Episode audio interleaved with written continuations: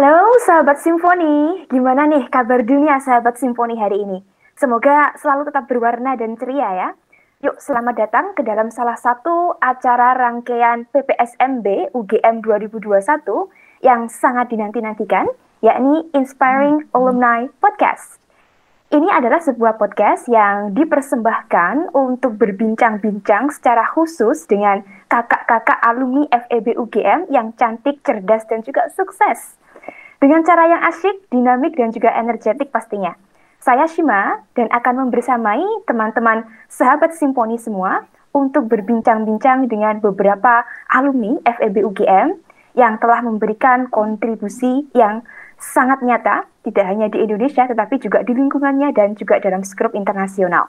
Nah, sebagai mahasiswa baru nih, saya uh, yakin teman-teman sangat antusias, bersemangat, dan juga pasti ada rasa penasaran seperti apa sih belajar dari akademisi-akademisi berkaliber nasional dan internasional di UGM dan tentunya akan menambah motivasi dong kalau kita bisa mendengar cerita-cerita inspiratif dari kakak-kakak kelas yang sudah pernah ditempa dengan palu gada di FEB UGM dan dan alhamdulillah survive. Thanks God dan kemudian berkarir di dunia perekonomian. Well, hari ini kita mengundang dua alumni yang sangat inspiratif, yakni Pak Aris dan juga Mbak Endar untuk berbagi cerita bersama kita. Nah, karena ini adalah forumnya kakak kelas, kita akan panggilnya Mbak dan Mas ya, supaya lebih akrab. Nah, bintang tamu kita yang pertama yaitu uh, Mas Aris ini adalah seorang pejabat BUMN, selebriti dalam dunia natural resource. Dan yang kedua ini adalah seorang praktisi ekonomi kreatif, yakni Mbak Endar. Nah, so are you ready to get inspired? You totally should. Nah, yuk mari kita dengarkan cerita-cerita mereka. Yuk, pertama-tama saya ingin mengucapkan selamat datang kembali nih Mas Aris dan juga Mbak Endar, pulang kampus ceritanya. Apa kabar uh, Mas Baik. Aris dan juga Mbak Endar? Baik. Baik Mbak Shima, senang bisa berinteraksi lagi dengan teman-teman FEB UGM khususnya dengan adik-adik mahasiswa baru. Baik, saya perkenalkan dulu ya, meskipun keduanya ini uh, tidak uh, no need for introductions, supaya lebih akrab nih. Uh, Mas Aris Ligamen Salepang, ini beliau adalah Vice President dari Bisnis Investment di perusahaan gas negara. Beliau ini alumnus lulus tahun 1999 dan dulu beliau fokus kepada human resource.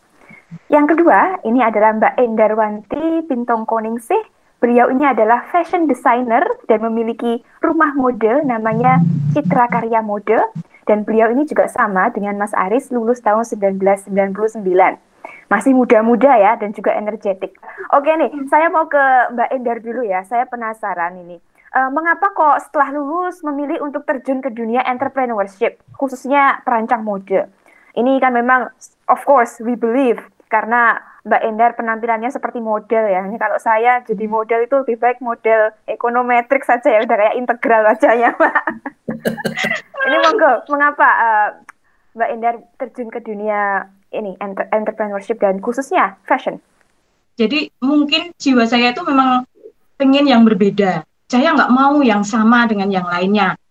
Uh, secara alam bawah sadar seperti itu. Jadi pilihan profesi saya juga kebanyakan kan anak ekonom ya larinya ke perusahaan-perusahaan multinasional, perusahaan bank yang besar, BUMN atau apa gitu ya.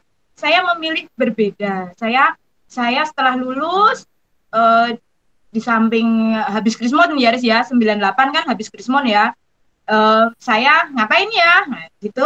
Saya ambil pendidikan di satu fashion di LPK eh, PAPMI uh, Jalan Kehadaklan itu sekarang masih ada juga.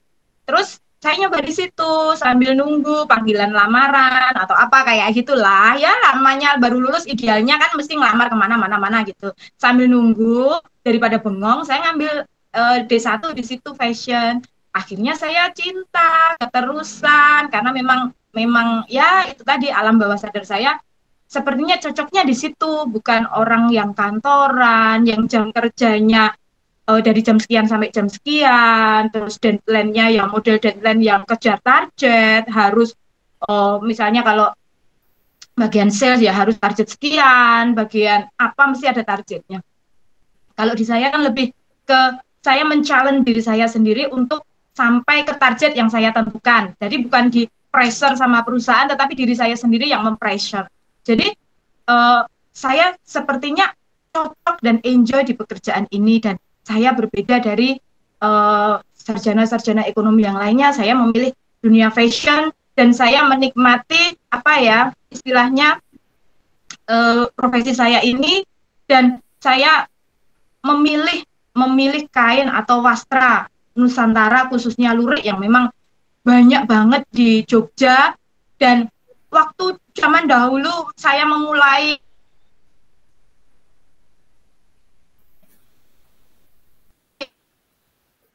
itu lurik itu hanya untuk kaum proletar ya yang belum naik kelas eh, orang-orang ring satu di BUMN gitu misalnya pada nggak mau pakai lurik gitu maunya ya pakai merek-merek atau brand-brand luar negeri gitu ya sepertinya. Tapi kan sekarang ini sudah sudah istilahnya mulai enjoy menggunakan eh, produk-produk Nusantara. Jadi saya istilahnya menikmati banget profesi ini sesuai dengan karakter saya, Mbak Shima. Betul, artistik dan memang manajemen ini kan diajari untuk bisa menjadi bos hmm. untuk dirinya sendiri ya. Jadi memang saya pikir cocok sekali dengan Mbak Ender dan melestarikan budaya bangsa lewat industri kreatif. Nah, saat ini industri kreatif juga prioritas Indonesia, Mbak, karena memang fashion ini share-nya terhadap uh, eh, PDB per kapita cukup besar. So, very good choice. Uh, kita gali lebih lanjut. Sekarang kita ke Mas Aris. Mengapa kok terjun ke BUMN? Iya, latar belakang keluarga ya. Bapak saya, ibu saya itu kerja di pemerintahan gitu. Uh, lalu ketika sebenarnya saya tidak punya tidak tidak punya luxury untuk memilih profesi seperti halnya uh, Endar bisa memilih dan menentukan sendiri mau mau menekuni bidang apa ya. Saya sih memang murni mencari kerja waktu itu, mencari pekerjaan yang namanya sudah selesai kuliah masa nggak kerja gitu. Nah, karena tidak punya apa namanya tidak punya passion untuk uh, melakukan hal misalnya uh, apa namanya uh, hal-hal yang lain di luar dari bekerja, bekerja pada orang lain maksud saya ya, bukan menciptakan lapangan kerja sendiri. Lalu saya melamar lah, melamar pekerjaan gitu. Dan bidang pekerjaan yang saya akhirnya saya diterima di di di, di PGN pun itu bukan atas pilihan saya gitu, bahwa saya pengen berprofesi sebagai orang HR gitu. Eh, perusahaan lah yang memilihkan saya bahwa ya mereka memilih apa namanya semacam MT gitu ya manajemen trainee. Lalu akhirnya mereka melihat potensi saya ada di HR dan saya ditempatkan di, di HR meskipun waktu kuliah kita belajar HR kan cuma ada satu mata kuliah manajemen sumber daya manusia kan waktu itu Ibu Reni Rosari. E, malah ketika e, apa namanya ketika masuk ke dunia kerja saya tidak pernah membayangkan akan berprofesi sebagai orang HR gitu. Karena kita sebagai anak ekonomi, anak manajemen yang ada di benak kita mengenai profesi itu adalah kalau bukan bankir ya kita akan kerja di perusahaan bidang marketing, bidang keuangan gitu ya. Ya satu dua mungkin yang apa yang yang kepikiran tentang profesi untuk di manajemen operasi, tetapi untuk HR HR itu seharusnya pekerjaannya orang anak-anak psikologi kalau menurut kita kan ya eh, secara iya. umum. Tetapi begitu saya masuk ke dunia kerja, oh ternyata ada ada sedemikian banyak uh, apa namanya ya uh, opportunity untuk berkarir gitu. Nah, salah satunya adalah karir saya awalnya. Jadi saya 17 tahun dalam karir saya uh, sejak tahun 99 itu saya bekerja. 17 tahunnya itu saya habiskan di dunia HR gitu. Sehingga kemarin memang waktu uh, Om Amir uh, menawarkan uh, untuk bincang-bincang uh, ini, saya bilang, tapi saya bukan di HR lagi gitu. Sekarang saya ada di bidang yang lain yang menurut saya uh, sangat berbeda dengan apa yang selama ini saya jalankan gitu.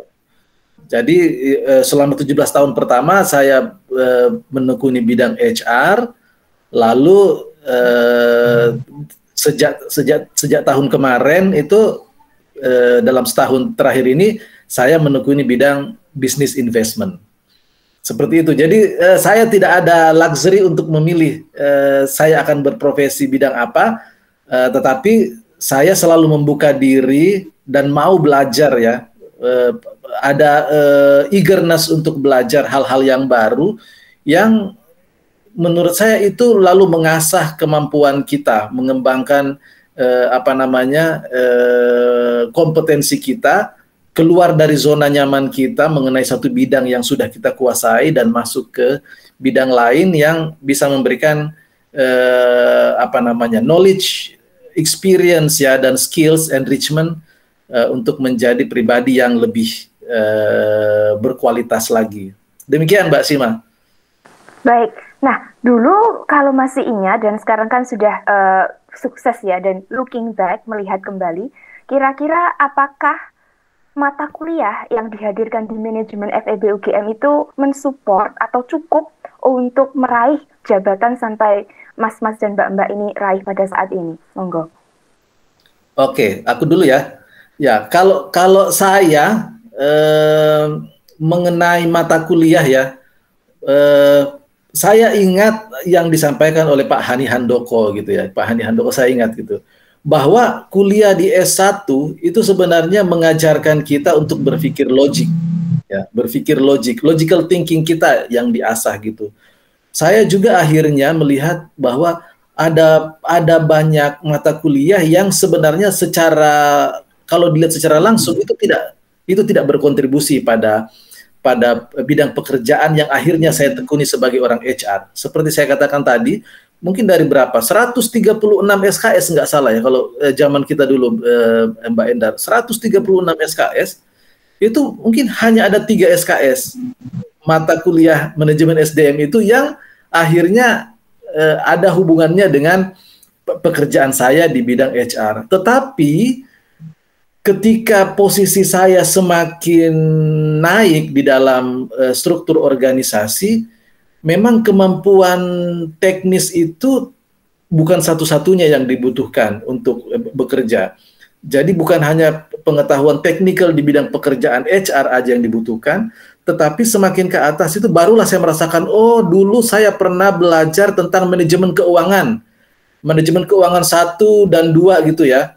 Akhirnya ketika saya eh, apa namanya oleh oleh posisi saya saya diharapkan untuk apa uh, menyusun uh, penganggaran ya uh, budgeting. Setiap tahun kan kita menyusun uh, budget.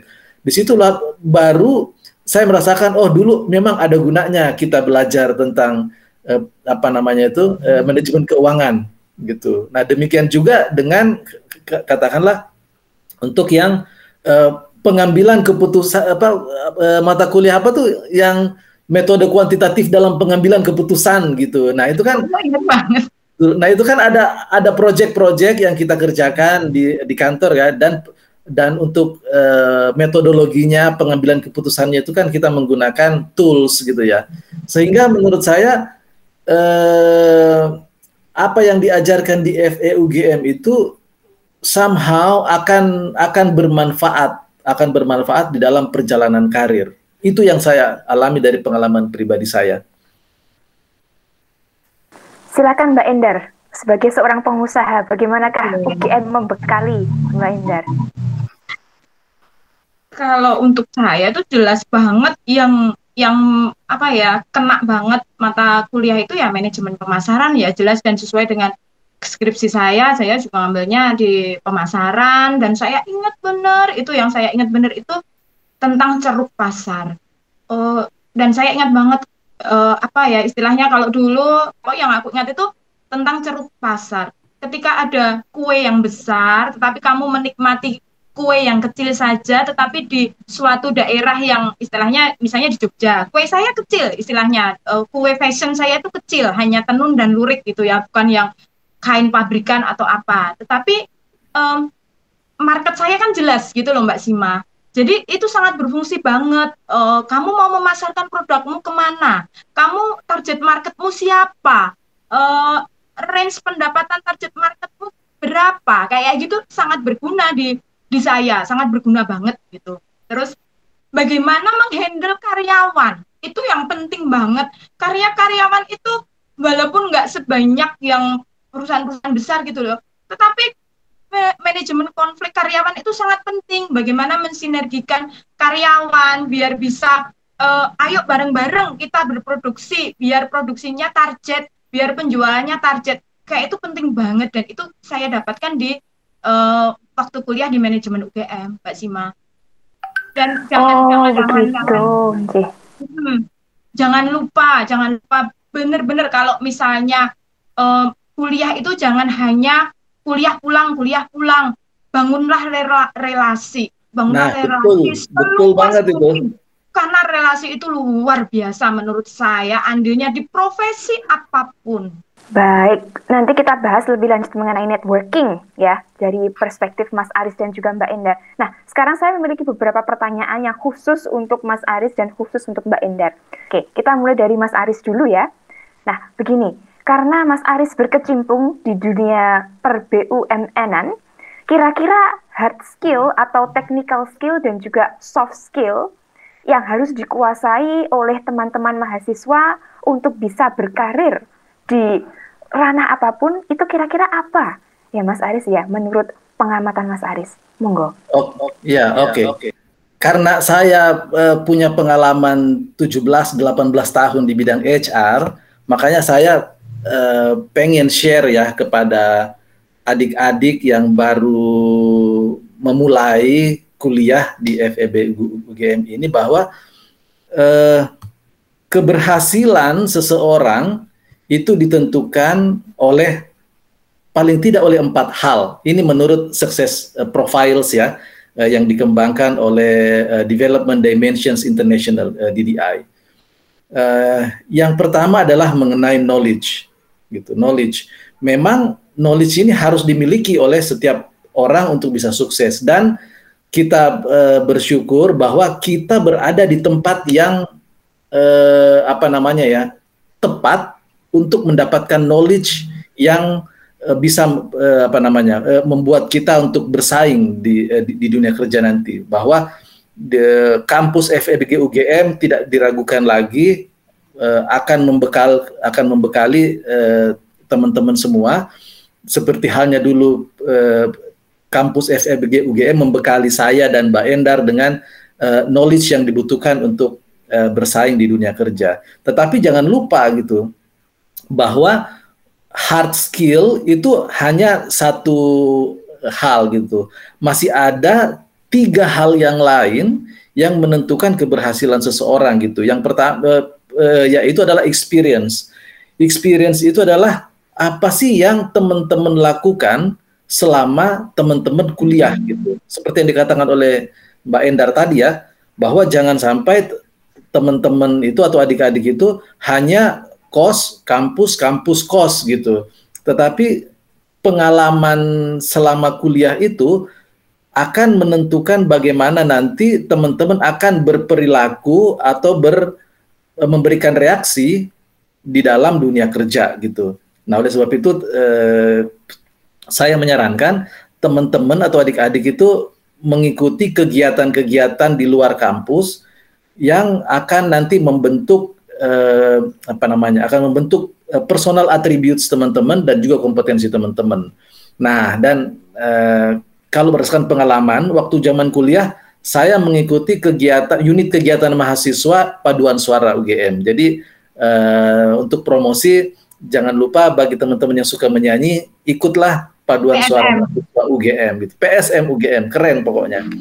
Nah, lalu yang kedua ya, yang berikutnya itu adalah mengenai uh, personal attributes. Siapakah kita sebenarnya? Nah, di sinilah mungkin nanti sesuai dengan tema kita uh, pada hari ini mengenai uh, integritas. Di sini mungkin nanti kita akan bicara mengenai personal attribute salah satunya mengenai integritas. Dan yang terakhir itu adalah adalah kompetensi. Kompetensi ini adalah apa yang bisa kita lakukan, bukan hanya sesuatu yang kita ketahui. Mengetahui banyak hal tetapi tidak bisa melakukan itu means nothing gitu. Nah, oleh sebab itu di samping mempunyai pengetahuan, teman-teman juga untuk bisa survive atau sukses di dunia kerja nanti harus punya experience, harus punya kompetensi, mampu melakukan uh, pekerjaannya dengan baik, dan juga punya personal attributes. Menurut saya, uh, Mbak Shima itu yang menjadi uh, itu yang yang perlu disadari atau kita ingatkan kepada adik-adik kita ini untuk dikembangkan, bukan hanya mengembangkan pengetahuannya aja melalui bangku kuliah, tetapi juga mengembangkan aspek-aspek yang lain melalui kegiatan non kuliah gitu melalui kegiatan kemahasiswaan, kegiatan sosial, dan seterusnya.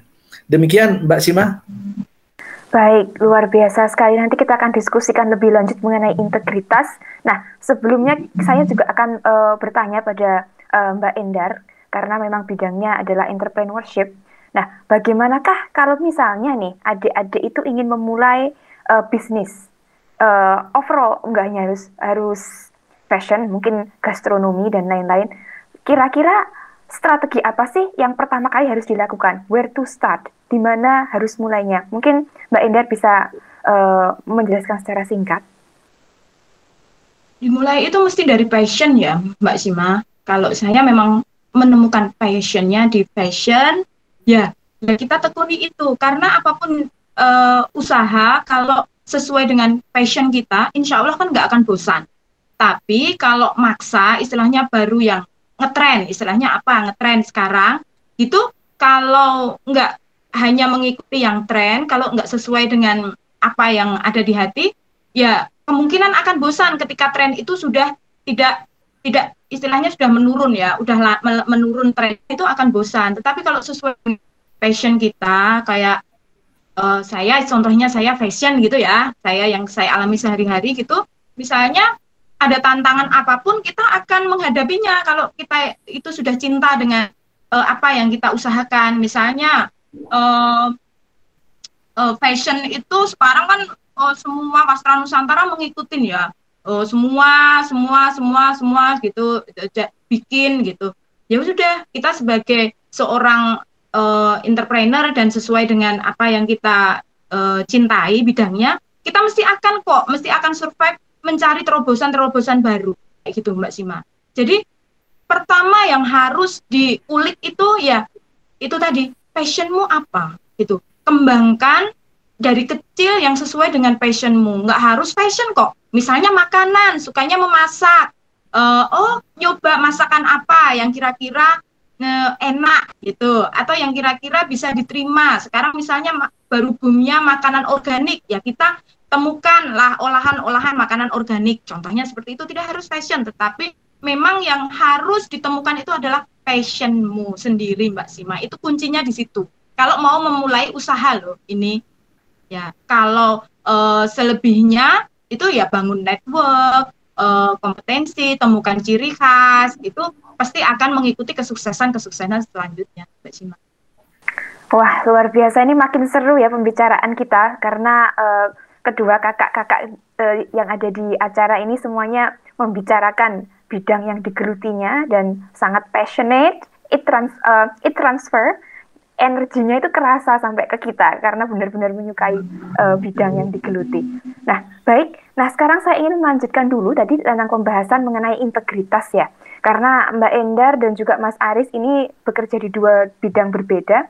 Kira-kira bagaimanakah caranya mengimplementasikan integritas dalam dunia kerja, Mbak dan Mas? Silahkan, siapa yang uh, ingin menanggapi lebih dulu?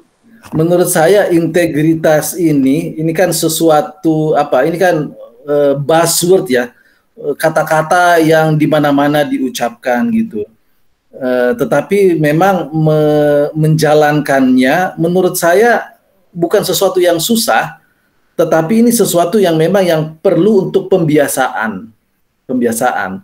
Karena orang bilang bahwa e, kita akan setia kepada hal-hal yang besar kalau kita itu bisa setia pada hal-hal yang kecil gitu. Atau hal-hal yang kecil e, e, bagaimana mungkin kita bisa setia atau amanah untuk hal-hal yang besar kalau untuk hal-hal yang kecil aja kita tidak bisa setia atau atau kita tidak bisa amanah gitu. Nah, oleh sebab itu menurut saya eh, integritas ini harus dilatih. Bahkan sekarang se, eh, bahkan sebelum kita memasuki dunia, eh, dunia kerja, uh, bahkan uh, sejak dini sejak uh, sejak di rumah.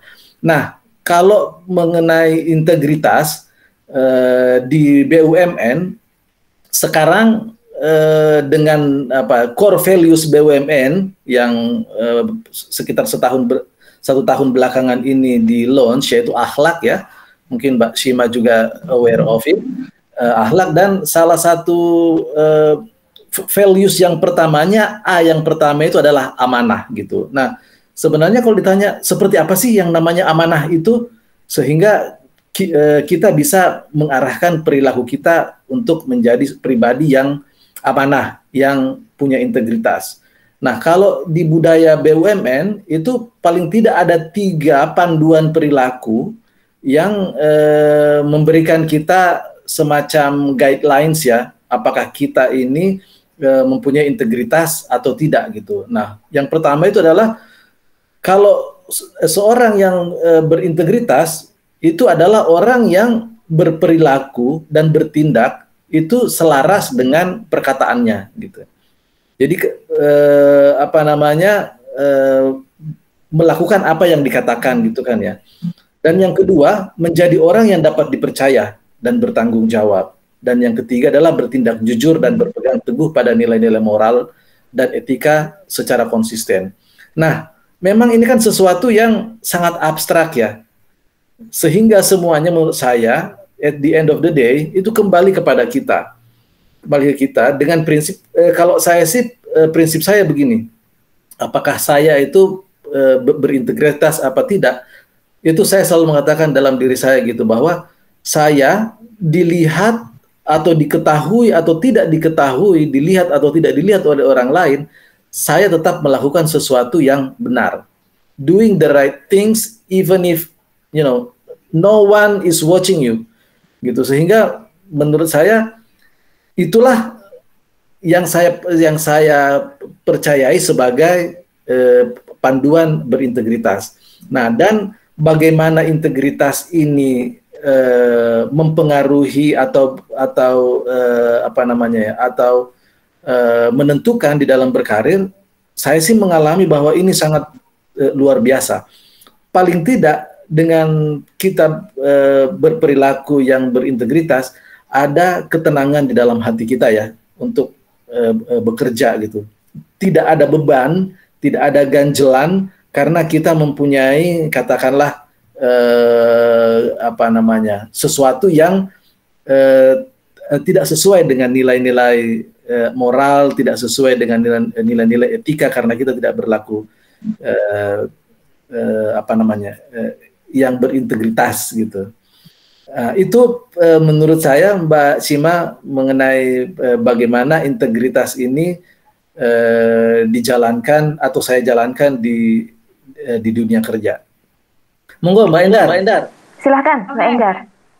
Kalau saya integritas yang saya jalankan di bidang usaha saya adalah saya selalu berlaku jujur ketika memberikan pelayanan kepada konsumen saya ketika saya melaunch suatu produk seri terbaru gitu, biasanya saya akan memberikan kriteria bahwa ini uh, misalnya ya ingredientnya atau bahannya itu uh, tenun seperti ini, lurik seperti itu, batik tulis, batik print itu harus disebutkan, Mbak. Karena jangan sampai uh, ketika sampai di tangan konsumen uh, harapannya itu misalnya ya ini integritas saya itu batik tulis atau tenun yang uh, non mesin, tapi ternyata yang datang nggak sesuai. Itu kan namanya juga tidak berintegritas. Nah, itu akan menimbulkan komplain dan uh, kalau sudah dikomplain itu menimbulkan uh, apa ya ketidakpercayaan lagi, konsumen tidak percaya kepada kita. Ya kita yang akan rugi kita sendiri. Kalau kita tidak berintegritas, tidak jujur dengan produk kita, ya kita sendiri yang akan menuai Mbak Sima. Jadi apa pun usahanya, memang kejujuran dan integritas itu penting karena uh, ketika kita jujur ya kita akan menuai hasilnya, konsumen percaya kepada kita, repeat order, pembelian lagi, dan ketika uh, nggak jujur, nggak bermoral gitu, walaupun hanya produk fashion, itu ya akan nggak datang beli lagi gitu loh. Dan Aris sudah udah bilang tadi dari yang simple, ketika kita berintegritas kepada hal yang simple, akan selanjutnya berintegritas pada hal yang besar gitu loh. Dan itu dampaknya luar biasa Mbak Sima. Saya setuju, ini memang sangat cocok dengan juga value UGM ya, humble, sederhana, dan juga memiliki integritas jujur. Karena kita percaya bahwa kejujuran itu akan uh, membawa keselamatan, bukan hanya diri sendiri, tapi juga untuk lingkungan sekitar. Tidak ada yang kecewa, tidak ada yang uh, ingin menuntut yang tidak benar seperti itu. Jadi saya sangat apresiasi dengan bagaimana integritas itu juga dibawa tidak hanya dari UGM tetapi juga diimplementasikan oleh mbak-mbak dan mas-mas ini di dunia kerja. Sangat salut. Sekarang kita akan mencoba untuk menggali lebih dalam ya mengenai uh, pengalaman mbak-mbak uh, dan mas-mas bekerja sama dengan banyak orang di dunia kerja. Mungkin saya bisa memulai dari Mas Aris dulu. Uh, begini, karena Mas Aris sudah bekerja di dunia human resource selama bertahun-tahun sebelum akhirnya pivot ke business investment. Nah, uh, kira-kira perbedaan antara lulusan UGM dengan lulusan universitas lain itu seperti apa? Ya, Mas Haris, bisa dijelaskan? Oke, okay, ya. Uh, ini mungkin uh, apa namanya uh, berdasarkan pengamatan saya ya, berdasarkan pengamatan saya. Uh, lulusan lulusan UGM itu mungkin karena kita di apa namanya ya di digembleng dibesarkan di dalam aura e, suasana Jogja yang adem yang alon-alon waton kelakon gitu ya. Hidup itu apa slow di Jogja ya. Berbeda katakanlah kalau saya melihat ya eh, ketika melakukan rekrutmen anak-anak yang dari kota besar apa alumni-alumni yang dari kota besar gitu. Mereka apa namanya eh, semangat kompetitifnya itu itu kelihatan gitu kelihatan. Nah kalau anak-anak e, dari UGM itu kelihatannya mereka itu humble gitu ya, humble. Mungkin cenderung untuk e, kelihatan kayak malu-malu, entah malu-malu karena minder atau apa ya.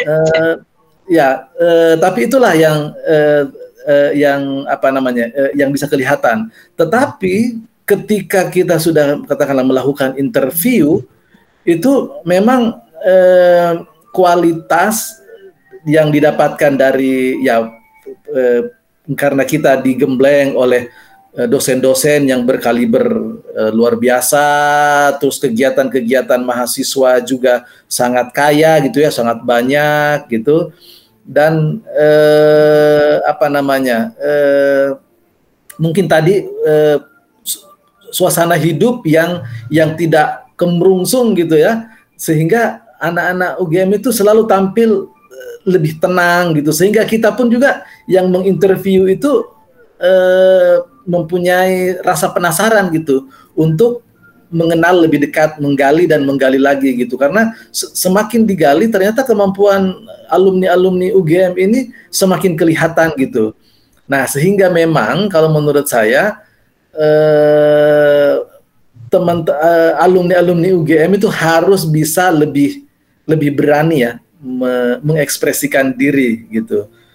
E, tunjukkan bahwa memang kita ini nggak kalah, bahkan mungkin kita lebih dibandingkan eh, alumni-alumni lain yang dari kota-kota besar. Cuma karena anak-anak dari kota besar itu kan apa fighting spirit mereka luar biasa gitu kan ya. Karena mereka pun di masa kuliahnya harus fight gitu untuk apa namanya naik bis kota aja mereka harus fight gitu ya naik KRL mereka harus fight gitu. Nah, kalau kita yang di Jogja masih ya 30 menit sebelum uh, kuliah ber, berlangsung kita masih bisa baru berangkat dari kos karena nggak ada kemacetan. Paling juga kita tinggalnya di sekitar-sekitar Bulak Sumur, sekitar Jakal dan seterusnya ya. Nah, oleh sebab itu menurut saya eh, kekhasan anak-anak eh, atau alumni-alumni UGM itu adalah dari eh, tadi hal-hal yang eh, sudah saya sebutkan tadi eh, Mbak Sima. Itu pengamatan saya sebagai eh, orang HR ya yang eh, ketika saya di HR eh, sering berinteraksi dengan eh, para pencari kerja gitu. Demikian Mbak Sima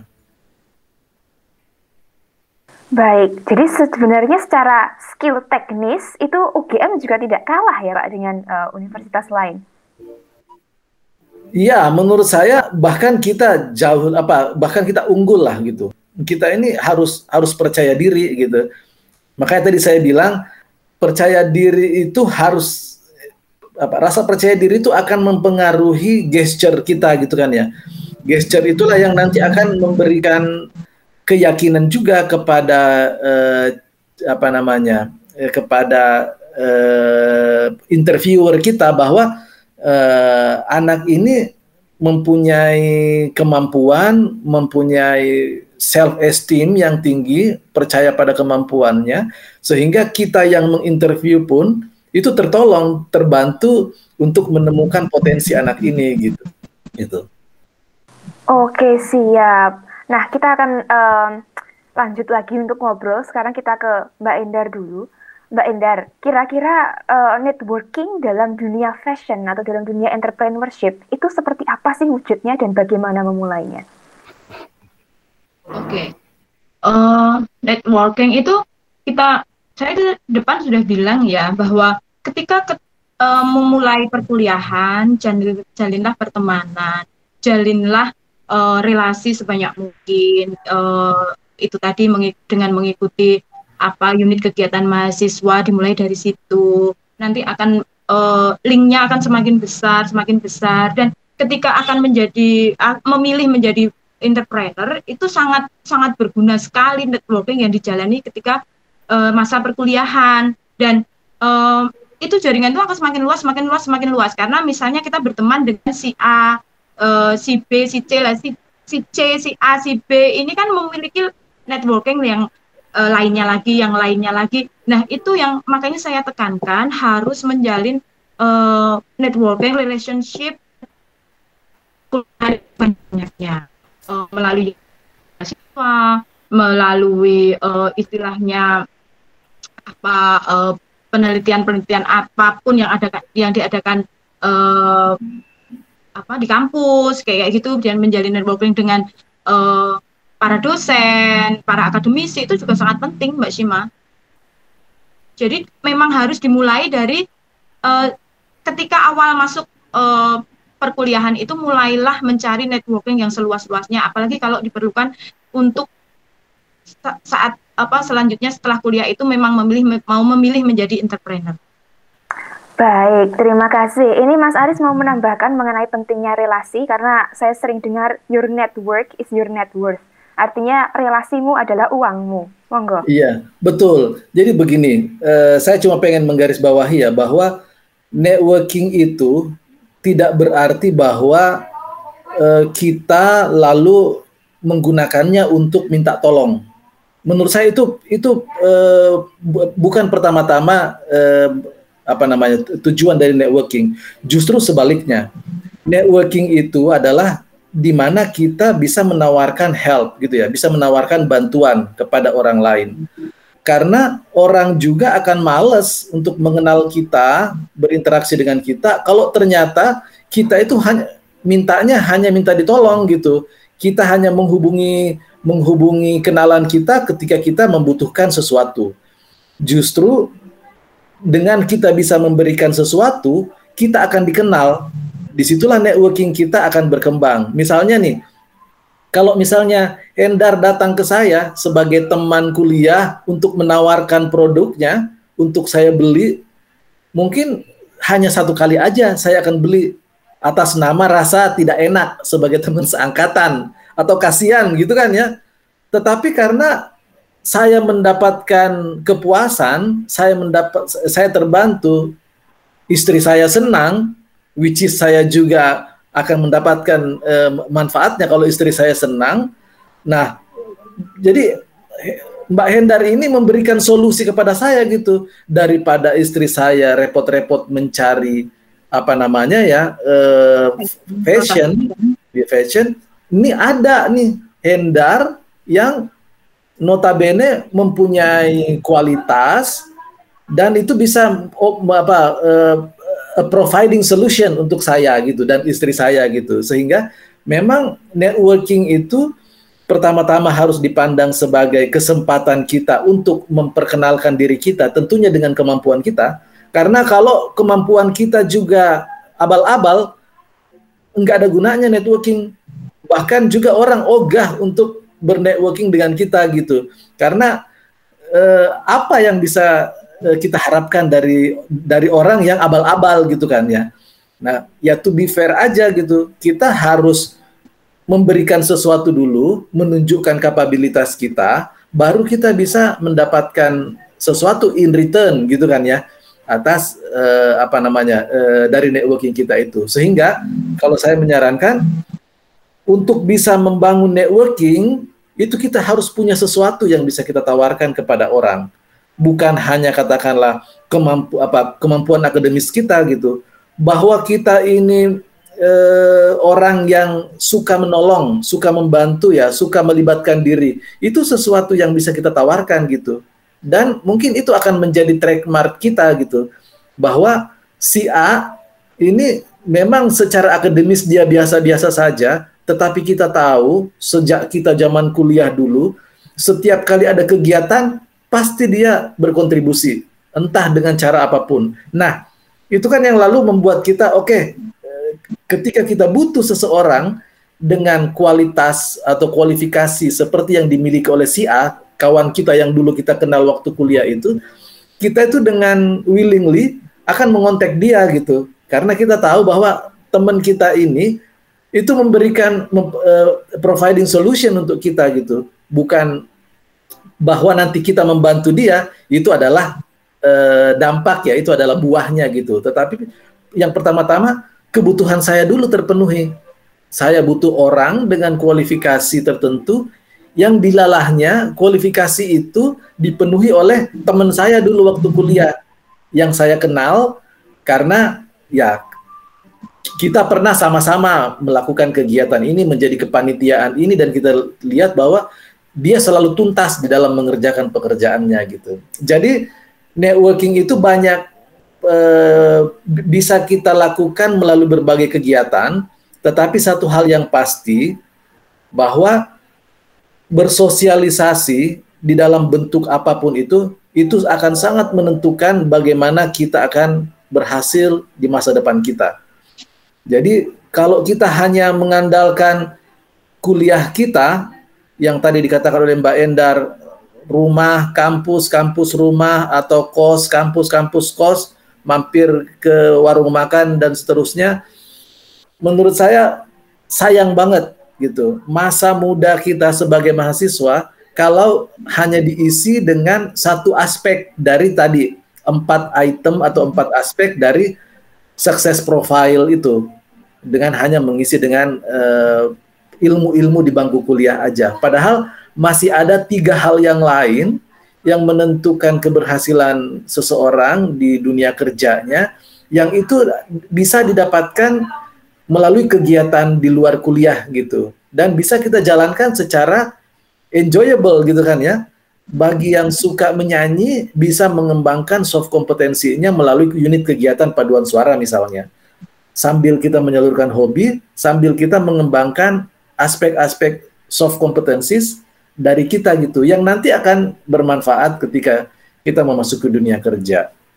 Demikian Mbak Sima Baik, luar biasa sekali. Nah, ini waktu juga Mas dan Mbak yang harus membatasi diskusi kita yang sangat menarik ini. Tapi saya harap Mbak dan Mas juga mau berkenan untuk menjawab pertanyaan dari uh, teman-teman, uh, mungkin melewati sosial media, lewat LinkedIn dan sebagainya. Jadi, uh, apakah berkenan kalau misalnya nanti dikontak melalui LinkedIn, Mas Aris dan juga Mbak Endar? Ya, berkenan, berkenan. Oke, okay, siap. Jangan lupa juga untuk mengunjungi butiknya Mbak Endar di Bantul ya kalau tidak salah. Yeah. kalau ke Jogja. Nah, itu yeah. dia bisa belajar di sana mengenai desain fashion dan juga menjadi seorang pengusaha. Dan mungkin bisa bertanya dengan Mas Aris, kira-kira skill apa yang perlu diasah dari awal untuk bisa menjadi seorang um, yang berkaliber dan memiliki integritas. Nah, ini yang terakhir untuk wrap up, kira-kira pesan untuk mahasiswa FEB, adik-adik yang baru masuk ini, dan mungkin juga untuk pengelola FEB, apa sih supaya kita bisa mencetak pemimpin yang berkualitas? Monggo, Ndar. Halo, ya? kalau menurutku untuk adik-adik yang baru mau masuk uh, di dunia perkuliahan, pesan saya adalah menjadi sarjana itu penting, tetapi menjadilah sarjana yang berbeda.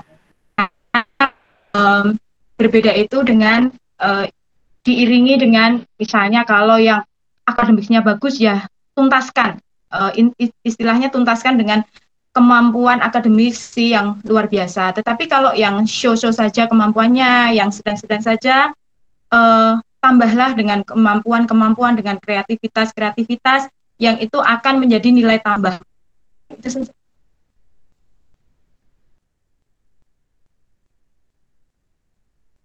Oke, baik. Terima kasih untuk pesannya, uh, Mbak Endar. Memang luar biasa sekali. Nah, ini akan saya simpulkan ya uh, diskusi kita pada pagi hari ini.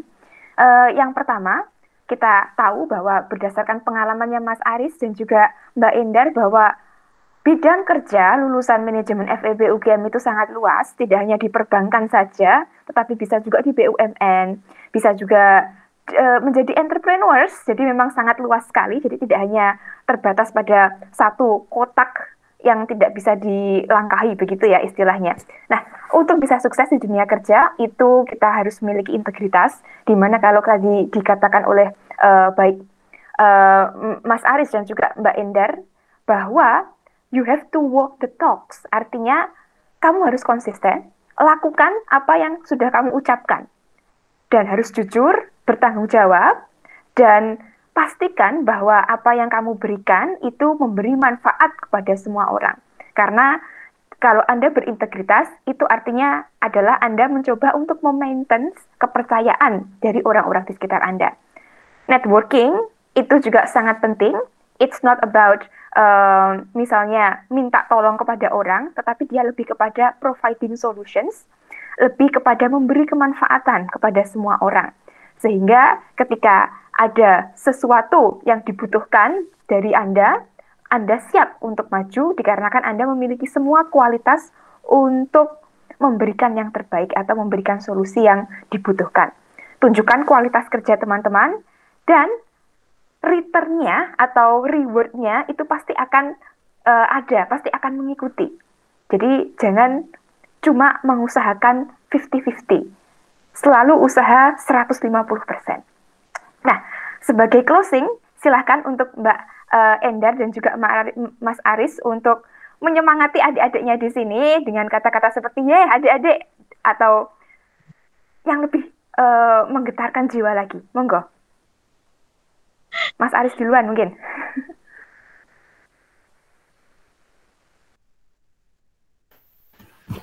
Oke, uh, untuk adik-adik semua, uh, percayalah bahwa adik-adik tidak salah tempat memilih uh, eh, FEB UGM sebagai tempat kalian untuk mempersiapkan masa depan kalian. Oleh sebab itu gunakan uh, waktu kalian sebagai mahasiswa. Jangan takut berbuat salah karena uh, masa muda itu harus diisi dengan kegiatan-kegiatan uh, yang sifatnya uh, mengembangkan kita. Bahwa nanti eh, di tengah jalan kita melakukan kesalahan, pela, eh, ambil pelajaran darinya dan eh, lakukan perbaikan. Nah, oleh sebab itu, eh, karena adik-adik ini baru memulai eh, studi di FEB, eh, tetap semangat meskipun sekarang ini eh, masa pandemi, tetapi eh, kami yakin bahwa apa yang telah kami dapatkan dari uh, para dosen kita dari Sivitas Akademika UGM eh, secara umum maupun FEB UGM secara khusus juga akan membentuk teman-teman sekalian seperti uh, dulu kami dibentuk gitu dan kami percaya uh, pasti akan lebih baik uh, pembentukan sekarang ketimbang dulu kami uh, dibentuknya. Nah oleh sebab itu uh, tetap semangat harus yakin bahwa eh, apa yang kalian lakukan sekarang ini akan berbuah manis di saat ke, nanti ketika kalian memasuki dunia kerja. Tetap semangat teman-teman. Yuk, terima kasih hmm, Mbak Endar. Closing statement. Lakukan semuanya di perkuliahan ini dengan penuh cinta rasa tanggung jawab, um, semangat, karena semua ilmu yang didapatkan di FEB UGM itu akan berguna di semua lini pekerjaan. Entah itu jadi entrepreneur, entah itu bekerja di BUMN, entah itu di bidang usaha yang mana pun itu tetap uh, apa istilahnya ilmu-ilmu di ekonomi itu mesti akan kepakai. Jadi semangat, lakukan yang terbaik, jangan sampai uh, menyesal ketika sudah lulus kok kemarin-kemarin nggak melakukan apa pun waktu di FEB gali semuanya gali semuanya dengan penuh semangat sehingga kalian menjadi yang terbaik. Oke, okay, oke. Okay. Luar biasa sekali. Saya akan tutup sesi kita dengan sebuah quote dari Sun Tzu dari bukunya yaitu Art of War atau Seni Berperang. If you know the enemy and know yourself, you need not fear the results of a hundred battles di mana artinya adalah ketika Anda mengetahui siapa diri Anda dan juga Anda mengetahui siapa pesaing-pesaing Anda, maka tidak usah khawatir mengenai hasilnya. You will always win. Know yourself, build your network, stay contributive. See you all dan tetap semangat, tetap ceria dan semangat berkontribusi.